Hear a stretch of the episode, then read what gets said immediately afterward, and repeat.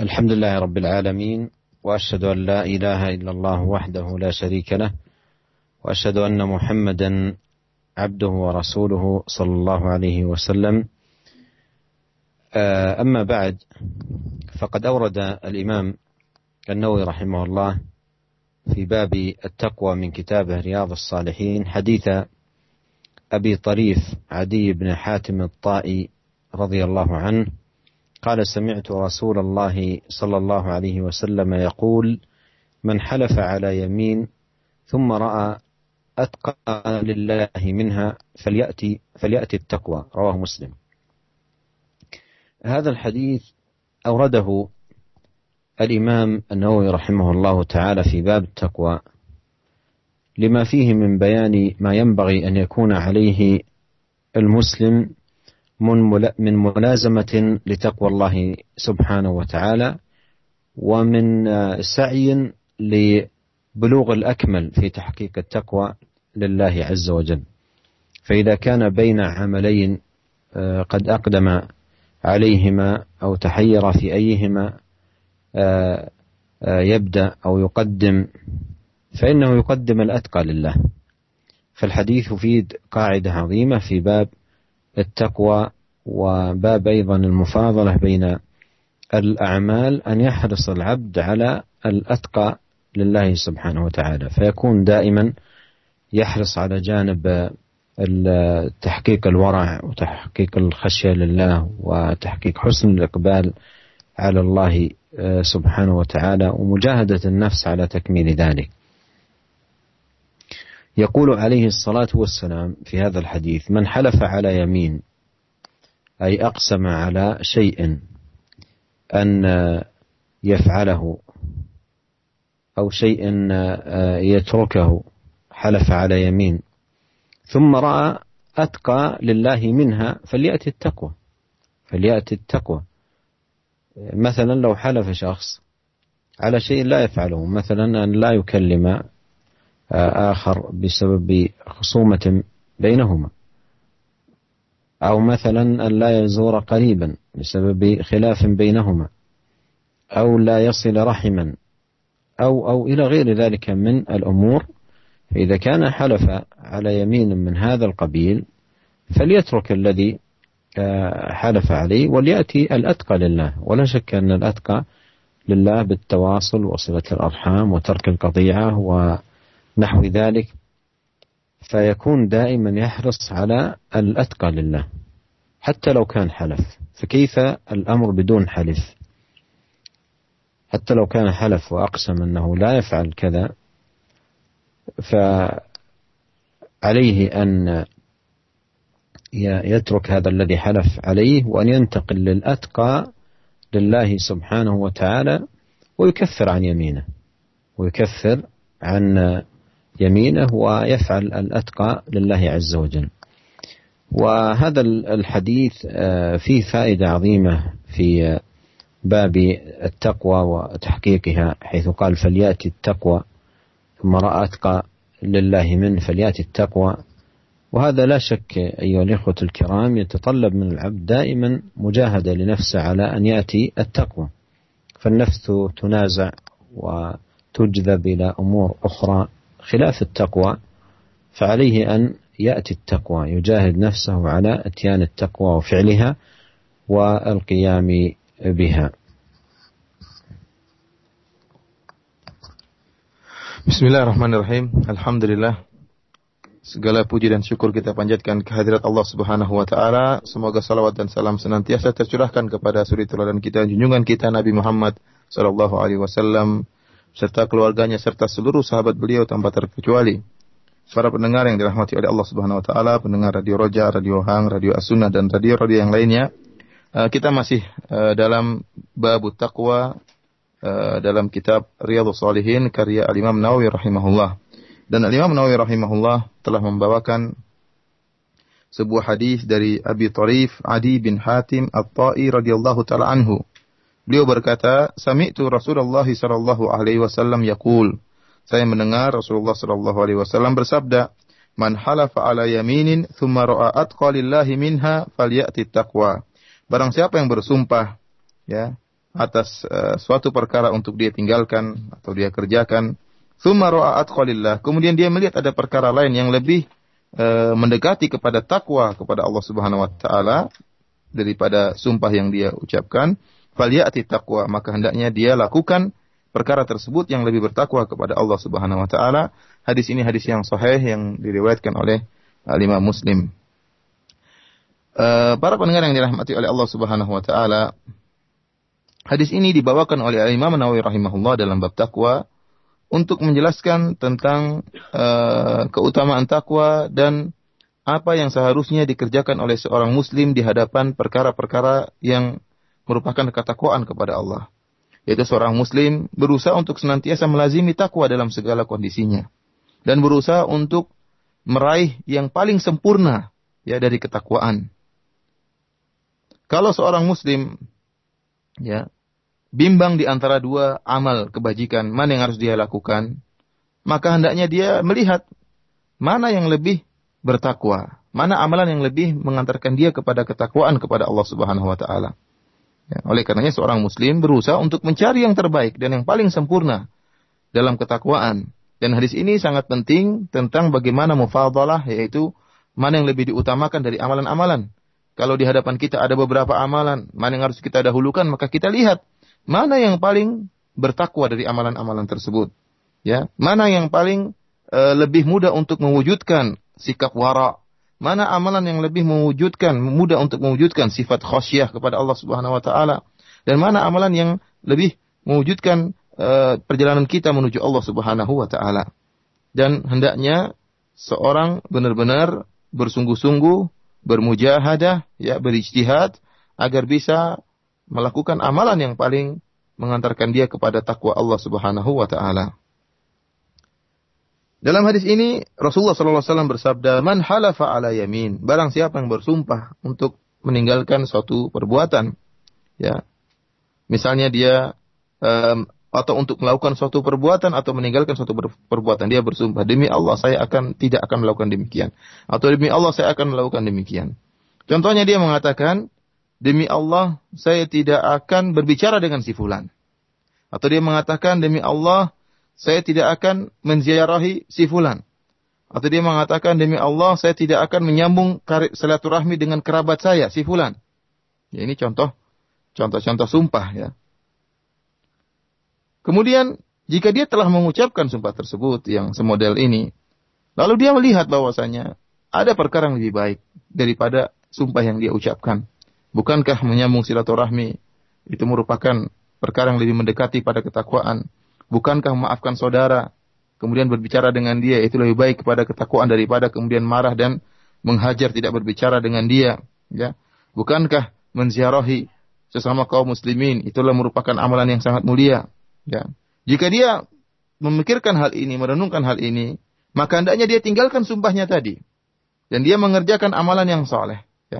Meskipun dia sudah bersumpah, meskipun dia sudah terlanjur bilang demi Allah, saya tidak akan bicara dengan si fulan, demi Allah saya tidak akan pergi ke rumah si fulan, demi Allah saya tidak akan menyambung silaturahmi sama om saya atau sama tante saya yang telah e, bermasalah dengan saya. Ini seluruh perkara-perkara yang buruk jika dia sudah bersumpah, meskipun dia sudah bersumpah, namun dia melihat ada perkara yang lebih baik kepada ketakwaan, maka dia tinggalkan sumpahnya tadi, ya.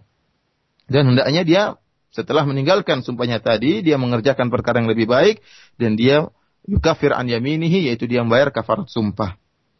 Para pendengar yang dirahmati oleh Allah Subhanahu wa taala, maka dalam hadis ini ya kita memperoleh faedah yang sangat uh, penting sekali yaitu di mana Nabi SAW mengatakan falyati atqalil uh, falyati at-taqwa hendaknya seorang mendatangi ketakwaan melakukan amalan yang lebih mendekatkan dia pada ketakwaan kepada Allah Subhanahu wa taala. Dan itulah kebiasaan dia sehari-hari. Itulah yang menyibukkan dia sehari-hari selalu mencari amalan-amalan yang paling mengantarkan dia kepada takwa, yang paling mendekatkan dia kepada Allah Subhanahu wa taala, yang paling buat dia khasyah kepada Allah Subhanahu wa taala, yang paling membawakan dirinya kepada sifat wara.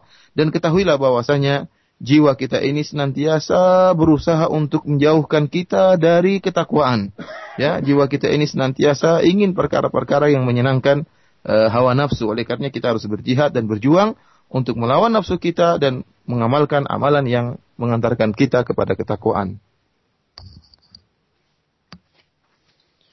ثم أورد الإمام النووي رحمه الله تعالى في خاتمة باب التقوى من كتابه رياض الصالحين حديث أبي أمامة صدي بن عجلان الباهلي رضي الله عنه قال سمعت رسول الله صلى الله عليه وسلم يخطب في حجة الوداع. فقال اتقوا الله وصلوا خمسكم وصوموا شهركم وأدوا زكاة أموالكم وأطيعوا أمراءكم تدخلوا جنة ربكم. رواه الترمذي في آخر كتاب الصلاة وقال حديث حسن صحيح. هذا الحديث أيها الإخوة الكرام معدود في جوامع كلم النبي عليه الصلاة والسلام وهو في الوقت نفسه وصية مودع لأنه كما جاء في رواية الحديث قاله في حجة الوداع. ومعلوم أيها الإخوة الكرام أن حجة الوداع كانت على قرب مفارقة النبي عليه الصلاة والسلام لهذه آه، الحياة الدنيا.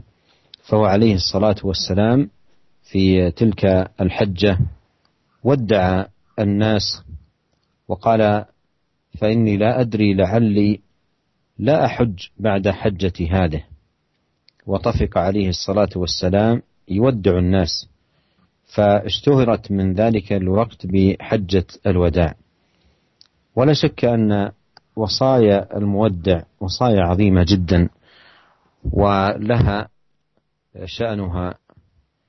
فالنبي عليه الصلاة والسلام جمع في هذا الحديث حديث أبي أمامة رضي الله عنه الذي قاله عليه الصلاة والسلام في حجة الوداع جمع هذه الوصايا العظيمة البالغة وهي آه، خمس آه، وصايا جامعة في ذكر موجبات دخول الجنة وأسباب الظفر بنعيمها والفوز بخيراتها وملذاتها وهي الدار التي أعدها الله لعباده المطيعين وأوليائه الصالحين.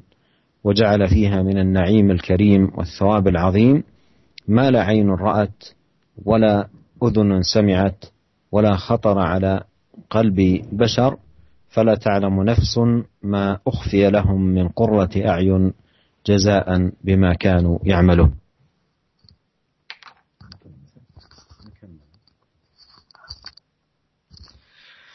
Para pendengar yang dirahmati oleh Allah Subhanahu wa taala, Kemudian Al-Imam Nawawi rahimahullah membawakan uh, hadis yang terakhir di penghujung bab takwa ini yaitu hadis dari Abu Umamah Sudai bin Ajlan radhiyallahu taala anhu di mana Nabi sallallahu alaihi wasallam uh, di mana uh, sahabat ini uh, Abu Umamah Sudai bin Ajlan Al-Bahili radhiyallahu radhiyallahu taala anhu berkata Sami'tu Rasulullah sallallahu alaihi wasallam yakhtubu fi hajjatil wada. Faqal Sungguh aku telah mendengarkan Rasulullah sallallahu alaihi wasallam berkhutbah pada waktu haji wada Rasulullah SAW dalam khutbahnya beliau bersabda, Ittaqullah wa sallu khamsakum wa sumu syahrakum wa addu zakata amwalikum wa ati'u umara'akum tadkhulu jannata rabbikum. Kata Nabi sallallahu alaihi wasallam, bertakwalah kalian kepada Allah dan salatlah ya, salat lima waktu. Dan hendaknya kalian berpuasa di bulan Ramadan dan hendaknya kalian mengeluarkan zakat harta kalian dan hendaknya kalian taat kepada pemimpin-pemimpin kalian maka niscaya kalian akan masuk dalam surga Rob kalian. Hadis ini diriwayatkan oleh Al-Imam Tirmidzi di akhir dari kitab Shalah dan beliau berkata hadisun hasanun sahih, hadis yang hasan sahih. Para pendengar radio Roja, Radio Hang dan radio-radio yang lainnya, hadis ini ya termasuk dari Jawami'ul Kalim, termasuk dari hadis-hadis yang lafalnya singkat akan tetapi ya mengandung makna yang sangat luas. Dan hadis ini juga termasuk dari wasiat Nabi yang akan berpisah kepada um, yang berpisah akan berpisah dari umatnya. Ya. Karena kita tahu bahwasanya ya Rasulullah Shallallahu Alaihi Wasallam mengajar mengerjakan haji wada ya, tatkala beliau akan meninggalkan dunia ini. beliau mengerjakan haji wada sebelum beliau menjelang beliau meninggal dunia. Dan tatkala Rasulullah SAW melaksanakan haji wada tersebut, beliau Wasallam mengisyaratkan akan hal ini bahwasanya beliau akan meninggalkan para sahabatnya. Beliau mengatakan fa inni la adri la alqakum ba'da haji hadza ba'da ami hadza kata Nabi wasallam sungguhnya saya tidak tahu. Saya mungkin tidak bisa bertemu lagi dengan kalian setelah tahun ini, setelah hajiku ini. Ya, sehingga setelah itu terkenalah hajinya Nabi Shallallahu Alaihi Wasallam tersebut dengan hajatul wada yaitu haji perpisahan haji perpisahan. Karena Nabi SAW mengisyaratkan bahwasanya dia akan berpisah dengan para sahabatnya dan tidak akan bisa bertemu lagi di haji tahun yang mendatang. Oleh karenanya kita tidak ragukan lagi namanya wasiat dari seorang yang ingin berpisah tentunya orang yang akan berpisah tersebut akan memberikan wasiat-wasiat yang sangat agung. Seorang yang akan meninggalkan sahabatnya tentunya dia akan berikan wasiat-wasiat ya, wasiat yang sangat agung. Dan dalam hadis ini Rasulullah Shallallahu alaihi wasallam menggabungkan lima wasiat yang sangat penting. Ya. Yang sangat penting yang lima wasiat tersebut merupakan sebab yang memasukkan seorang ke dalam surga.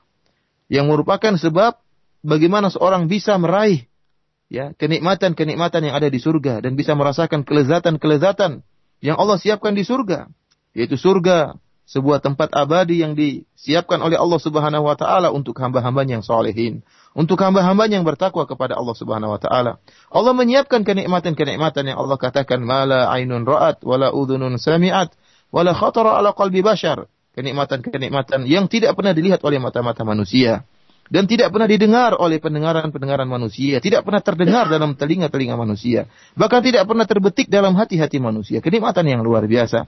Allah Subhanahu wa taala berfirman, "Fala ta'lamu nafsun ma ukhfiya lahum min qurrati a'yun jazaa'an bima kanu ya'malun." Dan sungguhnya setiap jiwa tidak akan mengetahui ya apa yang disiapkan oleh Allah Subhanahu wa taala dari kenikmatan-kenikmatan yang akan menyenangkan pandangan mereka menyenangkan pandangan mereka di akhirat kelak di surga kelak jazaa'an bima kanu ya'malun sebagai balasan atas amalan soleh yang mereka lakukan di dunia.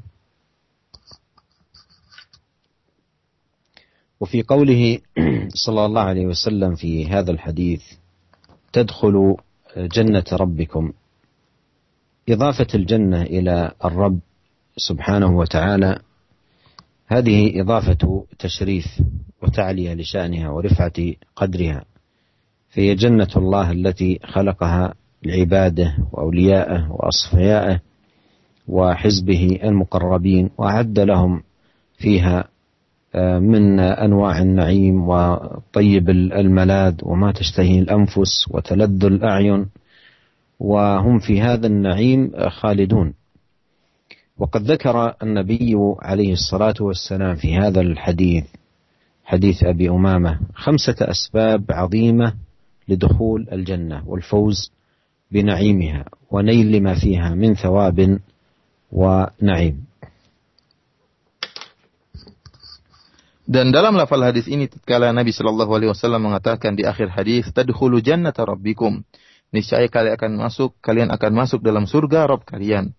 Ya, e, diidhafahkannya, disandarkannya surga kepada Rabb artinya surganya Rabb kalian ya maksudnya adalah dalam rangka untuk menunjukkan ketinggian derajat surga, mulianya surga. Katakan surga Rabb kalian ya.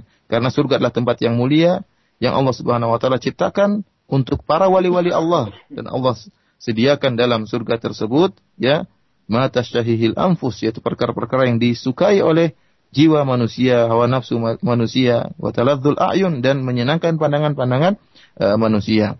Uh, dan dalam hadis ini Rasulullah SAW menyebutkan lima sebab yang sangat agung yang menyebabkan seorang masuk dalam surga dan meraih kenikmatan-kenikmatan tersebut. السبب الأول قوله في الحديث اتقوا الله في رواية اتقوا آه، ربكم. أي بفعل أوامره والبعد عن نواهيه.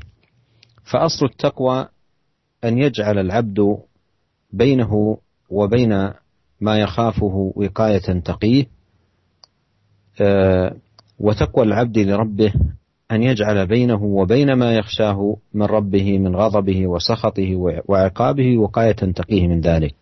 وهو فعل طاعته واجتناب معاصيه.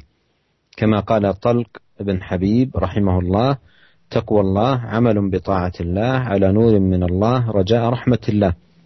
وترك معصية الله على نور من الله خيفة عقاب الله. فتقوى الله عز وجل جد واجتهاد ونصح للنفس بطاعة الله والتقرب إليه بما يرضيه ولا سيما فعل الفرائض والواجبات والبعد عن المعاصي والمنكرات. ويدخل في تقوى الله. الإيمان بأصول هذا الدين وعقائده القويمة والقيام بشرائع الإسلام وعباداته فكل ذلك من خصال التقوى ومن أوصاف المتقين. كما قال الله تعالى ليس البر أن تولوا وجوهكم قبل المشرق والمغرب ولكن البر من آمن بالله واليوم الآخر والملائكة والكتاب والنبيين وهذه عقائد. وآتى المال وهذه أعمال وآتى المال على حبه ذوي القربى واليتامى والمساكين وابن السبيل والسائلين وفي الرقاب وأقام الصلاة وآتى الزكاة والموفون بعهدهم إذا عاهدوا والصابرين في البأساء والضراء وحين البأس. أولئك الذين صدقوا وأولئك هم المتقون. أي أن هذه الخصال من عقائد وأعمال صالحات كلها هي خصال التقوى وهذا موضع الشاهد من هذا من إراد المصنف رحمه الله تعالى لهذا الحديث في خاتمة ترجمة أو باب التقوى Para pendengar yang dirahmati oleh Allah Subhanahu wa taala, adapun wasiat yang pertama, Nabi sallallahu alaihi wasallam mengatakan ittaqu rabbakum. Hendaknya kalian bertakwa kepada Rabb kalian, yaitu dengan menjalankan perintah-perintahnya dan menjauhkan diri dari larangan-larangannya. Karena sebagaimana pernah kita jelaskan, makna dari takwa yaitu seorang hamba menjadikan penghalang antara dia dengan perkara yang dia khawatirkan, yang dia takutkan. Seorang yang hamba yang takut kepada Allah Subhanahu wa taala, yang bertakwa kepada Allah Subhanahu wa taala. Artinya apa? Dia menjadikan antara dia dengan kemarahan Allah penghalang. Jangan sampai dia dimarahi oleh Allah Subhanahu wa taala. Jangan sampai dia dimurkai oleh Allah Subhanahu wa taala. Jangan sampai dia diazab oleh Allah Subhanahu wa taala. Oleh karena dia menjadikan penghalang antara dia dengan azab Allah yang bisa menghalangi dia dari sampainya azab Allah kepada dia. Bagaimana caranya? Dengan menjalankan ketaatan kepada Allah Subhanahu wa taala dan menjauhi segala kemaksiatan yang dilarang oleh Allah Subhanahu wa taala. Talq bin Habib rahimahullah pernah berkata, taqwallahi amalun bi taatillahi ala nurin minallahi raja'a rahmatillah wa tarku ma'siyatillahi ala nurin minallahi khifata iqabillah.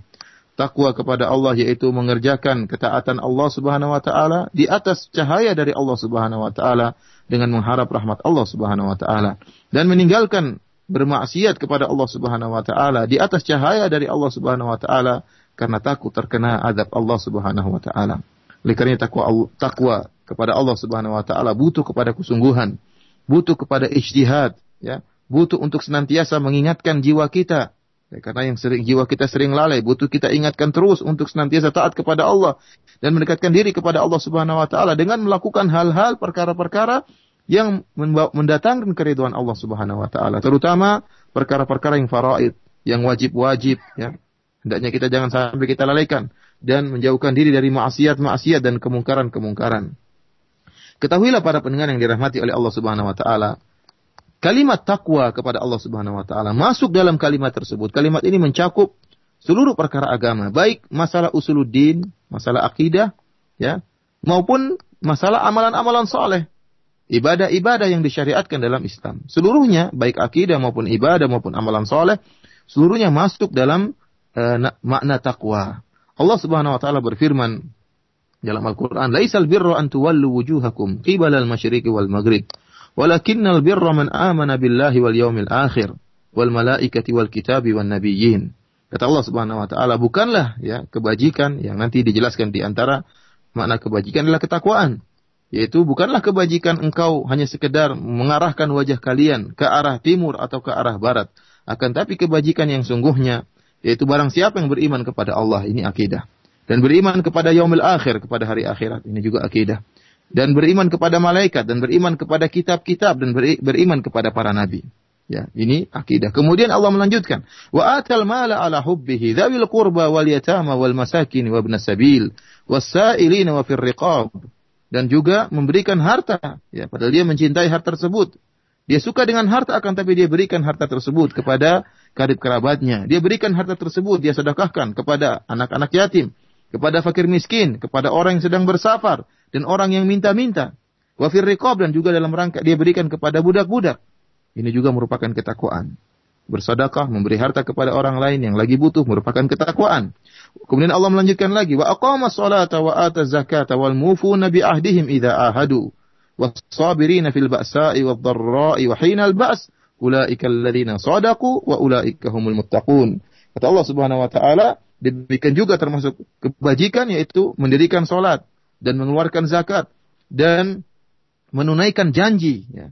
Jika seorang jika mereka berjanji mereka tunaikan janji mereka orang bertakwa dan orang-orang yang bersabar tatkala dalam keadaan kondisi sulit dalam kondisi terdesak ya Ulaika alladzina sadaqu. Mereka itulah orang-orang yang benar. Kemudian kata Allah menutup ayat ini wa ulaika humul muttaqun. Dan mereka itulah orang-orang yang bertakwa kepada Allah Subhanahu wa taala. Para pendengar yang dirahmati oleh Allah Subhanahu wa taala yang menjadi syahid perhatian kita dalam hadis ini adalah wasiat yang pertama. Ittaqu rabbakum hendaknya kalian bertakwa kepada Rabb kalian. Karena Al-Imam Nawawi rahimahullah membawakan hadis ini dalam bab takwa dan tujuan beliau adalah kalimat ini, lafal ini ittaqu rabbakum bertakwalah kalian kepada Rabb kalian. السبب الثاني لدخول الجنة قوله في هذا الحديث وصلوا خمسكم. أي حافظوا على الصلوات الخمس المفروضة فإن المحافظة عليها من موجبات دخول الجنة وإضاعتها من موجبات دخول النار وهي عماد الدين وآكد أركانه بعد الشهادتين وهي الصلة صلة العبد بينه وبين ربه وهي أول ما يحاسب عليه العبد يوم القيامة فإذا صلحت صلح سائر عمله وإذا فسدت فسد سائر عمله. وهي الفارقة بين المسلم والكافر فإقامتها إيمان وإضاعتها كفر. فلا دين لمن لا صلاة له ولا حظ في الإسلام لمن ضيع الصلاة. ففي المسند وغيره عن عبد الله بن عمرو بن العاص رضي الله عنهما عن النبي صلى الله عليه وسلم أنه ذكر الصلاة يوما فقال من حافظ عليها كانت له نورا وبرهانا ونجاة يوم القيامة ومن لم يحافظ عليها لم يكن له نور ولا برهان ولا نجاة وكان يوم القيامة مع قارون وفرعون وهامان وأبي بن خلف Adapun wasiat yang kedua, Nabi Shallallahu Alaihi Wasallam mengatakan, wasallu khamsakum dan hendaknya kalian salat uh, lima waktu kalian yaitu salat lima waktu Maksudnya apa? Yaitu hendaknya kalian menjaga sholat lima waktu yang telah diwajibkan oleh Allah kepada kalian.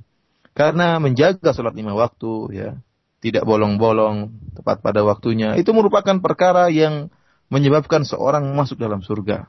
Dan menyia-nyiakan atau melalaikan sholat lima waktu merupakan sebab yang menyebabkan orang masuk dalam neraka jahanam. Sholat lima waktu merupakan tiang agama. Dan dia merupakan rukun Islam yang paling ditekankan setelah syahadatain. Dia rukun Islam yang kedua setelah syahadatain. Dan sholat merupakan hubungan, penghubung antara seorang hamba dengan Robnya. Dan sholat merupakan amalan yang pertama kali dihisap pada hari kiamat. Seorang hamba, amalan yang pertama kali dihisap adalah sholat pada hari kiamat. Jika baik amalan sholatnya, maka baik pula seluruh amalan yang lainnya. Akan tetapi, jika sebaliknya, jika rusak amalan sholatnya, maka akan rusak pula seluruh amalannya. Dan sholat merupakan pembeda antara seorang muslim dengan orang kafir. Maka jika seorang menegakkan sholat, maka dia telah menegakkan imannya. Dan melalaikan sholat, meninggalkan sholat merupakan kekufuran. Tidak ada agama bagi orang yang tidak ada sholatnya. Dan tidak ada bagian di, dari Islam orang yang menyia-nyiakan sholat. Dalam musnad Imam Ahmad dan yang lainnya dari sahabat Abdullah bin Amr bin As radhiyallahu ta'ala anhuma. Anin Nabi sallallahu alaihi wasallam dari Nabi sallallahu alaihi wasallam bahwasanya Nabi SAW pernah menyebutkan tentang perkara salat pada suatu hari. Kemudian Nabi SAW berkata, Man hafadha alaiha kanat lahu nuran wa burhanan wa najatan yaumal qiyamah. Barang siapa yang menjaga salat, maka salat tersebut akan menjadi cahaya dan petunjuk baginya serta keselamatan pada hari kiamat. Wa man lam yuhafiz 'alaiha lam yakun lahu nurun wala burhanun wala najatun wa kana yaumal qiyamati ma'a qarun wa fir'aun wa haman wa ubay bin khalaf. Dan barang siapa yang tidak menjaga salat, maka tidak ada cahaya baginya pada hari kiamat. Tidak ada petunjuk baginya dan tidak ada keselamatan baginya pada hari kiamat. Dan dia akan dikumpulkan pada hari kiamat bersama gembong-gembong orang kafir seperti Korun dan Fir'aun dan Haman dan Ubay bin Khalaf. ثم ذكر السبب الثالث في قوله وصوموا شهركم أي شهر رمضان المبارك بالامتناع في نهاره عن الطعام والشراب وسائر المفطرات وهو شهر واحد يمر كل عام كتب الله على العباد صيامه كما قال الله تعالى يا أيها الذين آمنوا كتب عليكم الصيام كما كتب على الذين من قبلكم لعلكم تتقون اياما معدودات. وهي قليلة وصيامها في غاية اليسر والسهولة. يجتمع فيه المسلمون كلهم على أداء هذه الطاعة فيتركون فيه شهواتهم الأصلية من طعام وشراب ونكاح ويعوضهم الله عن ذلك من فضله واحسانه تتميم دينهم وزياده كمالهم ونيل اجره, أجره العظيم وبره العميم وفي الجنه باب يقال له الريان لا يدخل منه الا الصائمون Kemudian sebab yang ketiga atau wasiat yang ketiga yang Rasulullah sampaikan pada haji wada tersebut kata Nabi sallallahu alaihi wasallam sumu syahrakum hendaknya kalian berpuasa di bulan Ramadhan yaitu bulan yang penuh barakah dengan cara ya menahan diri dari makanan dan minuman dan segala hal-hal yang bisa membatalkan puasa. Dan bulan Ramadan hanya satu bulan saja. Ya, dalam satu tahun hanya satu bulan saja Allah Subhanahu Wa Taala mewajibkan kita untuk berpuasa. Allah berfirman, Ya ayuhalladzina amanu kutiba alaikumusiyam kama kutiba ala ladzina min qablikum la'allakum tattaqun ayyaman ma'dudat. Wahai orang-orang yang beriman, telah diwajibkan atas kalian untuk berpuasa sebagaimana diwajibkan atas orang-orang sebelum kalian. Semoga kalian bertakwa. Ayaman ma'dudat, hari-hari yang tertentu yang terhitung.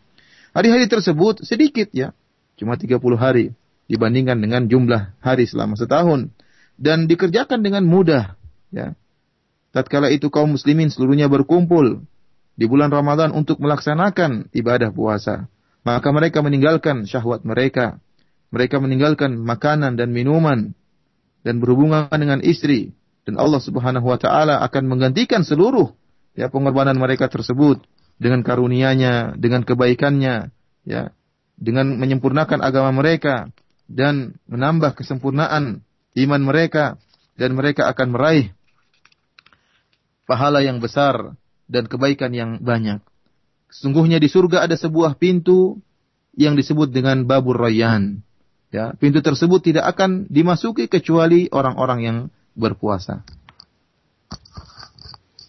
ثم ذكر السبب الرابع في قوله وأدوا زكاة مالكم أي التي فرض الله عليكم وجعلها حقا في المال وهي لا تجب على فقير ليس عنده نصاب زكوي وإنما تجب على الأغنياء تتميما لدينهم وإسلامهم وتنمية لأموالهم وأخلاقهم ودفعا للآفات عنهم وعن أموالهم وتطهيرا لهم من السيئات ومواساة لمحاويجهم وفقرائهم مما يدل على كمال هذه العبادة وعظم نفعها. Dan perkara yang keempat yang merupakan sebab masuk surga yaitu sabda Nabi Shallallahu Alaihi Wasallam wa adu zakat malikum. Hendaknya kalian menunaikan zakat harta kalian. Yaitu zakat yang telah diwajibkan oleh Allah kepada kalian. Dan Allah Subhanahu Wa Taala menjadikan zakat merupakan hak yang ada pada harta yang harus ditunaikan oleh uh, seorang yang uh, sanggup untuk membayar zakat.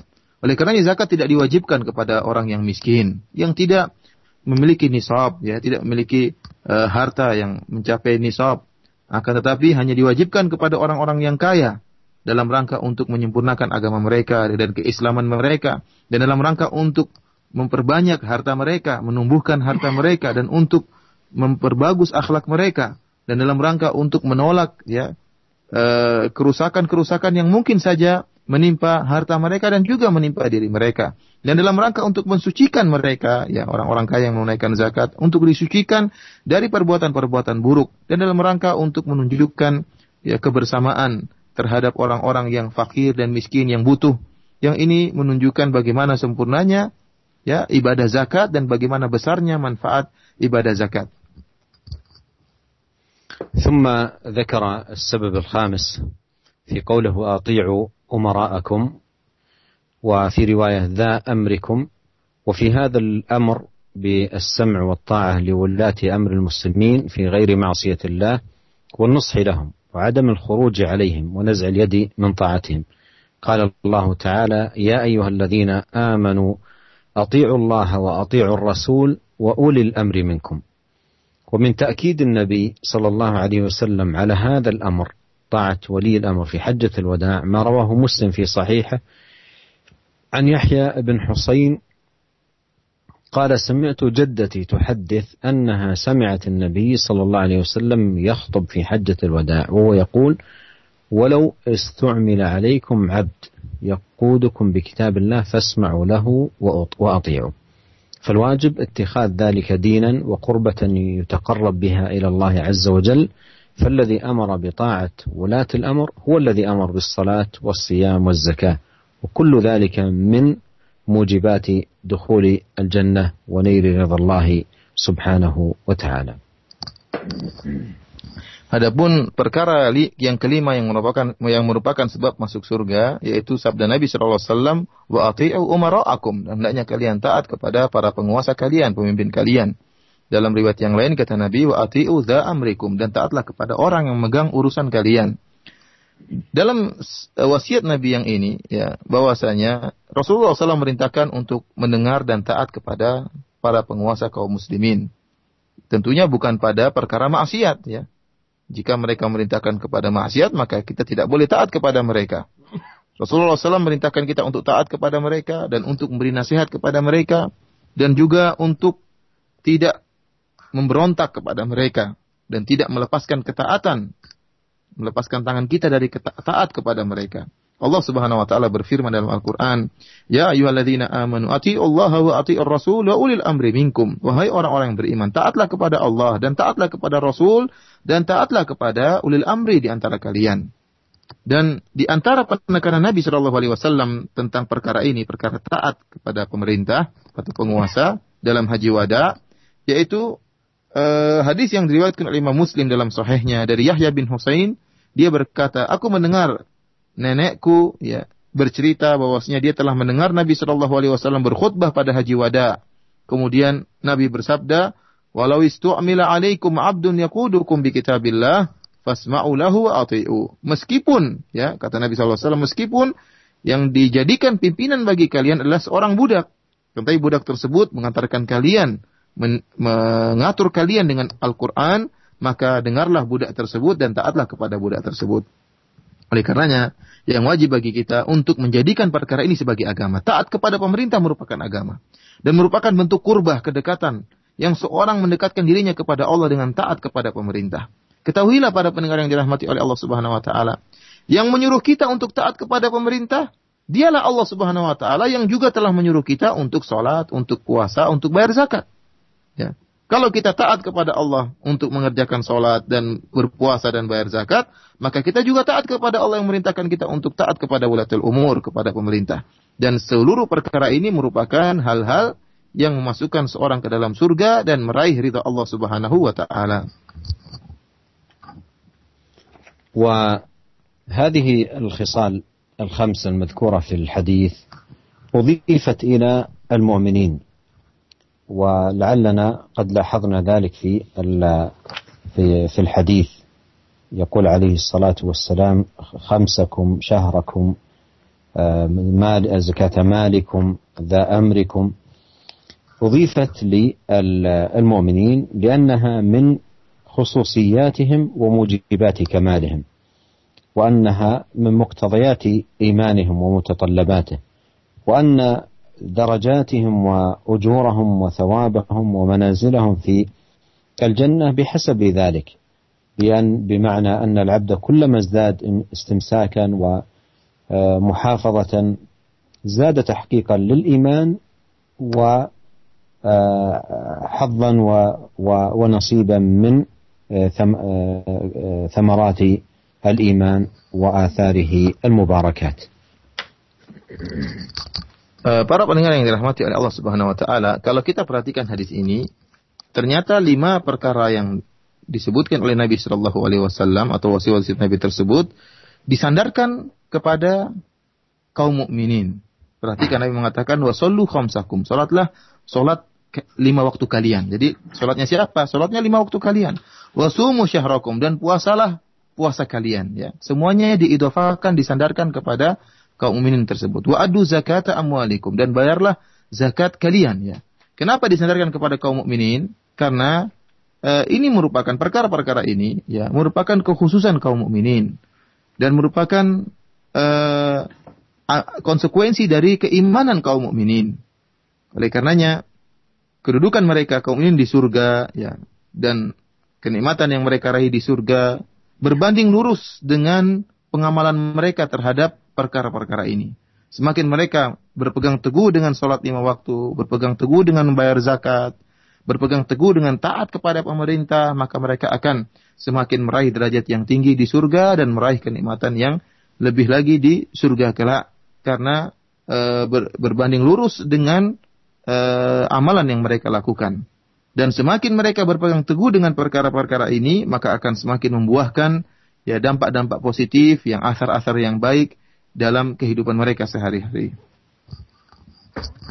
وبهذا يكون الإمام النووي رحمه الله ختم هذا الباب المتعلق بتقوى الله عز وجل بما ساقه رحمه الله من آيات كريمات وأحاديث نافعات عن رسول الله صلوات الله وسلامه وبركاته عليه نسأل الله الكريم رب العرش العظيم أن ينفعنا جميعا بما علمنا وأن يجعل ما تعلمناه حجة لنا لا علينا وأن يصلح لنا شأننا كله وأن يغفر لنا ذنبنا كله وأن يهدينا إليه صراطا مستقيما وأن يجعلنا من عباده المتقين وأوليائه المقربين. إنه سميع قريب مجيب والله أعلم وصلى الله وسلم على عبده ورسوله نبينا محمد. Para pendengar yang dirahmati oleh Allah Subhanahu wa taala dengan demikian maka uh, dengan berakhirnya hadis ini Imam Nawawi rahimahullah telah menutup uh, bab uh, takwa dari kitab Riyadhus Shalihin di mana beliau telah membawakan ayat-ayat yang menjelaskan tentang pentingnya takwa dan keutamaan takwa demikian juga hadis-hadis yang penuh manfaat. Kita berdoa kepada Allah dan kita mohon kepada Allah Subhanahu wa taala penguasa arsy yang sangat mulia agar Allah Subhanahu wa taala menjadikan kita bisa mengambil manfaat dari apa yang telah Allah ajarkan kepada kita. Dan agar Allah Subhanahu wa taala menjadikan ilmu yang telah kita pelajari ini sebagai pembela kita di akhirat kelak hujjatun lana dan bukan hujjah alaina dan bukan sebagai bumerang yang akan menyerang kita di akhirat kelak. Dan agar Allah Subhanahu wa taala meluruskan dan perbaiki segala urusan kita dan agar Allah Subhanahu wa taala mengampuni selar, uh, agar Allah mengampuni segala dosa-dosa kita dan agar Allah Subhanahu wa taala menunjukkan kepada kita jalan yang lurus dan menjadikan kita termasuk dari hamba-hambanya yang bertakwa dan wali-wali Allah yang didekatkan kepada Allah Subhanahu wa taala. Selanjutnya saya akan kembalikan kepada uh, akhi Ihsan. Jazakallah khair al Syekh dan Al-Ustaz Abu Abdul Masin yang telah menerjemahkan faidah dan syarah yang begitu sangat bermanfaat dari apa yang disampaikan oleh Syekh Abdul Razak dan kami berikan kesempatan bagi para pendengar radio untuk bertanya mulai pesan singkat karena keterbatasan waktu yang ada dan alhamdulillah sudah beberapa pertanyaan yang kami terima dan kami angkat angkat beberapa pertanyaan sesuai dengan pembahasan. Assalamualaikum warahmatullahi wabarakatuh. Dari pendengar kita di Kalimantan Barat dan beberapa tempat, apakah kriteria taat pada pemimpin yang dimaksud dalam hadis Abu Umamah yang mulia ini apabila dihubungkan dengan ketakwaan kepada Allah Subhanahu wa taala. Jazakallahu khair.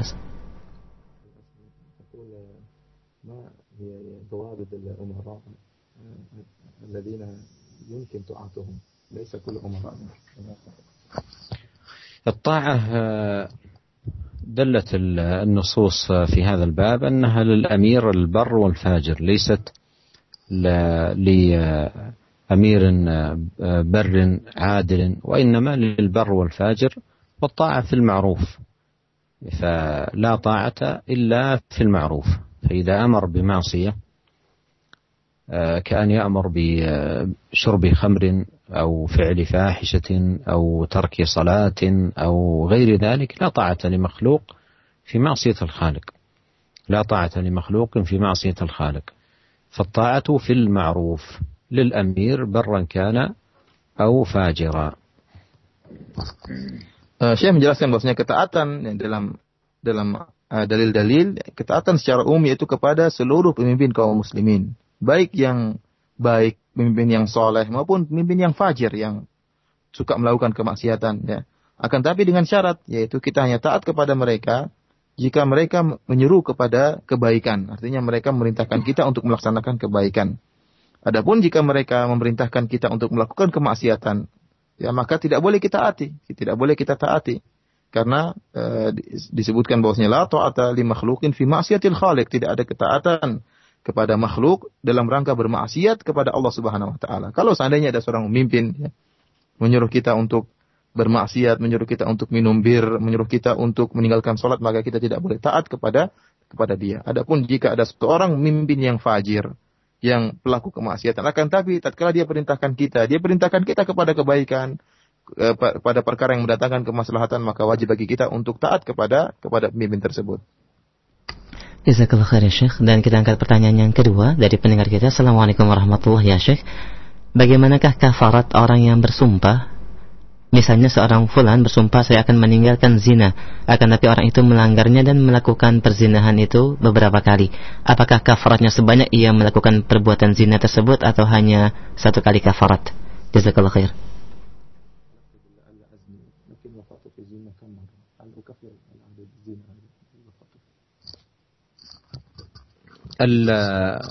كفارة اليمين واجبة وكفارة اليمين إطعام آه، عشرة آه، مساكين أو كسوتهم. إما أن يطعم عشرة مساكين أو أن يكسو عشرة مساكين. فإذا كان لا يجد آه، ذلك يصوم ثلاثة أيام. وكفارة اليمين واجبة. وإذا كان الإنسان حلف ألا يقع في الفاحشة فإن الفاحشة بأصل الشرع محرمة.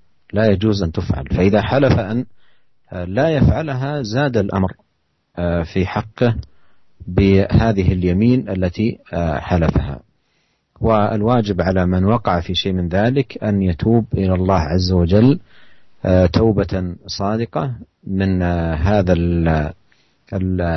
العمل الذي هو مخالف للشرع وأيضا مؤكد منه باليمين التي حلفها. Syekh menjelaskan bahwasanya membayar kafarah sumpah itulah hukumnya wajib yaitu it'am asyratul masakin au kiswatuhum dengan memberi makan kepada 10 orang fakir miskin atau memberi pakaian kepada mereka ya terserah memberi makanan atau memberi pakaian kepada mereka jika seorang tidak mampu untuk melakukan hal ini, maka uh, dia berpuasa selama tiga hari. Tidak mampu memberi makan, tidak mampu memberi pakaian, maka dia berpuasa selama tiga hari. Jika seorang kemudian bersumpah untuk agar tidak terjerumus, dia bersumpah tidak terjerumus dalam perbuatan buruk, perbuatan keji, zina, ya. Maka Syekh menjelaskan bahwasanya zina pada asalnya merupakan perkara perkara yang haram, perkara yang keji. Seorang harus meninggalkan zina meskipun tidak bersumpah. Ya. Dia harus meninggalkan zina meskipun tidak bersumpah. Apalagi jika dia sudah bersumpah, maka semakin uh, wajib dari dia semakin ditekankan untuk meninggalkan perkara tersebut. Oleh karenanya wajib bagi orang tersebut yang terjerumus dalam perbuatan zina hendak untuk bertobat kepada Allah Subhanahu wa taala karena perbuatan tersebut menyelisih syariat dan merupakan perbuatan yang uh, yang keji dan dia juga harus membayar kafaratul yamin. Jazakallah khair ya Syekh. Dan kita angkat pertanyaan berikutnya berkaitan dengan zakat. Amwalikum berapakah uh, harta yang mencapai nifak yang wajib dibayarkan zakatnya? Dan kemudian apakah zakat amwal bisa disampaikan atau diberikan kepada sarana atau media dakwah uh, sebagai bagian daripada bentuk uh, infak kita kepada media tersebut. Jazakallah khair.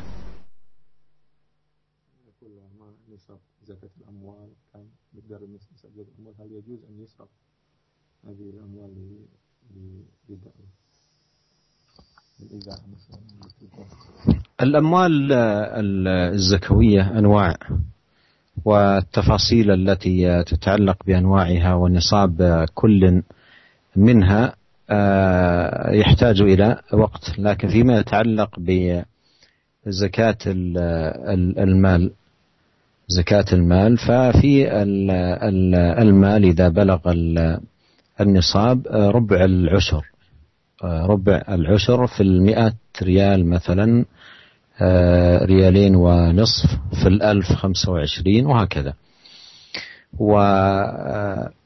والدعوة ليست مجالا أو طباعة الكتب أو الدينية أو نحو ذلك ليست مصرفا من مصارف الزكاة وهي ثمانية مصارف ذكرها الله سبحانه وتعالى في القرآن الكريم ليس منها هذا المجال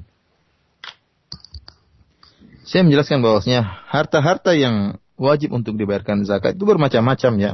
Bermacam-macam dan masing-masing model dari harta tersebut uh, ada nisabnya dan ada aturannya ya berapa yang harus dibayarkan. Akan tapi yang berkaitan dengan harta uh, uang ya tentunya jika sudah mencapai nisab ya uh, maka dikeluarkan uh, 2,5 persen ya. Misalnya punya uang 100 juta maka dikeluarkan 2,5 uh, juta ya. Adapun berkaitan dengan apakah boleh kita membayarkan zakat atau kita menyalurkan zakat uang zakat dalam rangka untuk dakwah, beliau menjelaskan bahwasanya dakwah tidak bukan merupakan uh, perkara yang boleh diletakkan situ uang zakat ya. Ya, jadi tidak boleh seorang menyalurkan zakat untuk misalnya untuk mencetak buku-buku ya untuk uh, sarana-sarana dakwah. Hal ini tidak termasuk dari delapan uh, orang yang berhak yang mustahik zakat ya tidak termasuk dalam delapan orang tersebut yang disebutkan dalam uh, Al-Qur'an. Baik. Jazakallah khair. Syekh, kita angkat kembali pertanyaan berikutnya. Assalamualaikum warahmatullahi wabarakatuh. Kami dari anggota kepolisian dan ingin bertanya berkaitan dengan tugas kami dalam menjaga eh, tempat-tempat uh, ibadah yang sudah dimaklumi bahwasanya hari ini adalah merupakan hari perayaan mereka dan ini merupakan tugas dari pemerintah. Apakah niat yang kami lakukan untuk mentaati pemerintah atau memelihara tempat ibadah tersebut tidak menyelisihi sunnah? Jazakallah khair.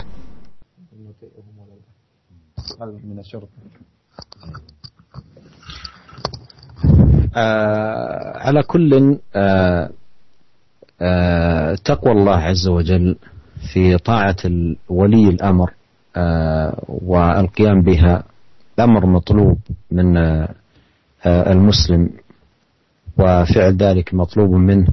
أما هذا السؤال المعين الذي طرحه السائل فلعله آه، يحال إلى آه، أهل العلم للنظر في أبعاده وفي ما ما يقتضيه ينظر في ذلك ويكون الجواب في ضوء هذا الأمر.